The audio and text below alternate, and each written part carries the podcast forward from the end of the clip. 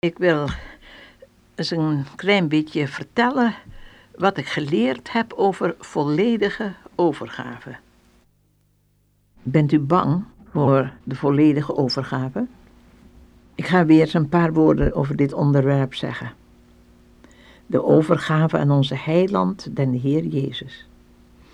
Ik heb wel eens een tijd gehad dat ik er bang voor was. Ik durf het niet aan hoor, zei ik. Je weet nooit wat dat voor consequentie met zich meebrengt. Ik durf het niet en ik weet ook niet hoe ik dat voor elkaar zal brengen, hoe ik de moed zal opbrengen.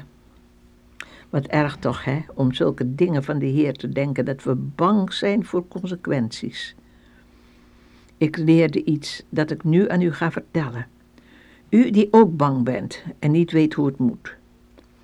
U hoeft het niet in eigen kracht te doen of door een krachtige wil van jezelf.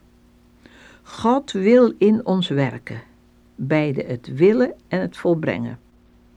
Kijk, het begin is wat we noemen bekering, het omkeren naar de Heer Jezus. Je leeft als het ware met je rug naar God.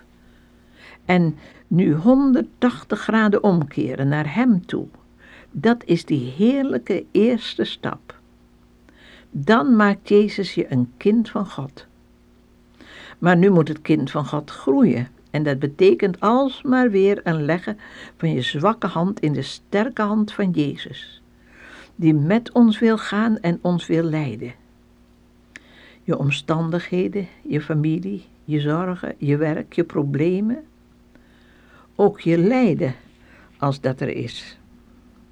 We moeten in ernstig bidden het antwoord vinden.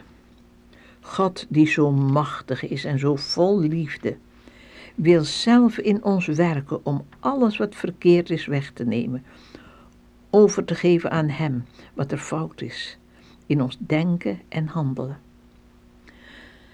Wat deed God met Abraham? God zelf maakte hem een instrument voor zijn glorie.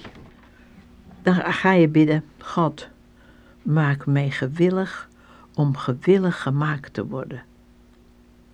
Dat gebed heb ik het eerste gehoord toen ik in Nieuw-Zeeland was.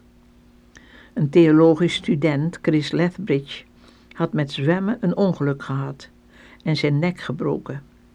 Hij was verlamd van zijn hals tot zijn tenen. Hij was heel intelligent. Hielp me een boek te corrigeren dat ik in het Engels geschreven had. Op een avond hadden we het erover dat ook zo'n verschrikkelijke ervaring als hij had, dat hij die moest overgeven. Ik vertelde hem dat Betsy, mijn zuster, in het concentratiekamp tegen me zei: We moeten niet denken en praten over wat ons leven vroeger was, of wat we straks als we vrij zijn gaan beleven. We moeten ons gevangenen zijn, helemaal overgeven aan den Heer dan kunnen we het aanvaarden. S'nachts hoorde Chris bidden: Lord, make me willing to be made willing to surrender all. Heer, maak me gewillig om gewillig gemaakt te worden, mijn leven en alles, ook mijn verlamming, over te geven aan U. De volgende morgen was zijn gezicht stralend van vrede en vreugde. Als er iets is dat u niet kunt en durft over te geven, bid dat gebed Heer, wilt u mij gewillig maken, bereid te zijn me helemaal over te geven. Als u dat bidt, gaat onze liefdevolle heiland dat in u doen. Jezus had een leven van volledige overgave. Hij heeft u duur gekocht. Hij leeft in uw hart met zijn heilige geest. U hebt hem gehinderd met uw angst en met uw niet willen. Hij verlangt om u te helpen. Vertrouw hem door uzelf geheel aan hem over te geven. De Duitsers zingen, iets meer der Liebe mich versenken, je te werpen in een oceaan van liefde. Ja, dat is overgave aan de Heer. Het kan niet heerlijker.